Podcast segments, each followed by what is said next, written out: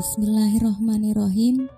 Assalamualaikum warahmatullahi wabarakatuh.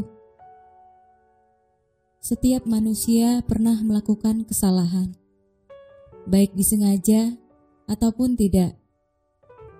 Baik setelahnya disesali atau justru diingat sebagai prestasi karena telah berhasil menyakiti seseorang. Tapi, apakah kita pernah berpikir Bagaimana ketika kita di posisi mereka? Ketika kita butuh dimaafkan, tetapi tak kunjung diberikan. Menyadari bahwa tidak ada manusia yang suci di dunia ini, sudah seharusnya kita belajar memaafkan kesalahan orang lain. Kita berhak bahagia tanpa pikiran negatif. Kita harus mampu melepaskan beban-beban yang menindih perasaan sehingga sulit sekali untuk lapang. Semakin sulit memaafkan kesalahan orang lain, semakin berat pula langkah kita untuk ke depan.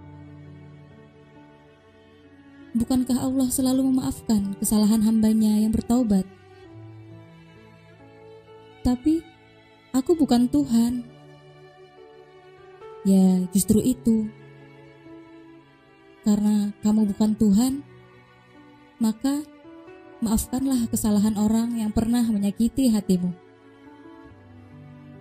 Seperti apa pun itu, suatu saat kamu juga akan butuh dimaafkan oleh orang lain.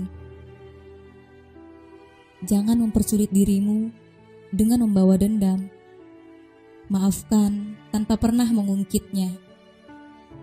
Andai saja kamu sudah memaafkan, tetapi masih mengungkit kesalahan, mengumbar aib saudaramu sendiri, sehingga lebih banyak orang yang tahu, maka sudah bisa dipastikan kamu belum benar-benar ikhlas melepaskan duri-duri dalam hatimu. Dan itu jauh lebih menyakitkan ketimbang saat kamu disakiti. Pernahkah kamu mendengar kisah perjuangan Rasulullah Shallallahu Alaihi Wasallam? Tidakkah kita berkaca dari kisah lama itu?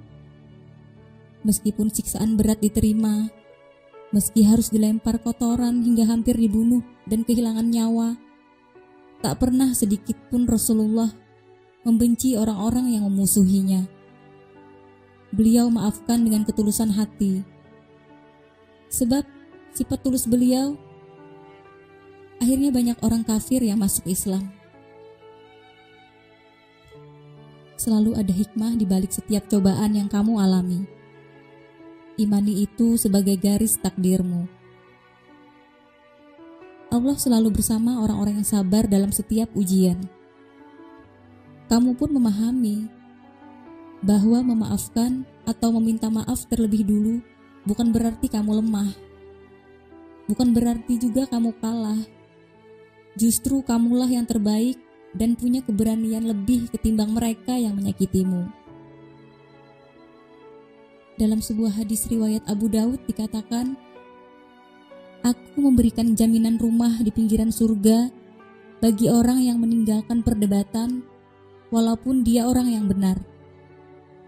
Aku memberikan jaminan rumah di tengah surga bagi orang yang meninggalkan kedustaan walaupun dalam bentuk kecandaan. Aku memberikan jaminan rumah di surga yang tinggi bagi orang yang bagus ahlaknya.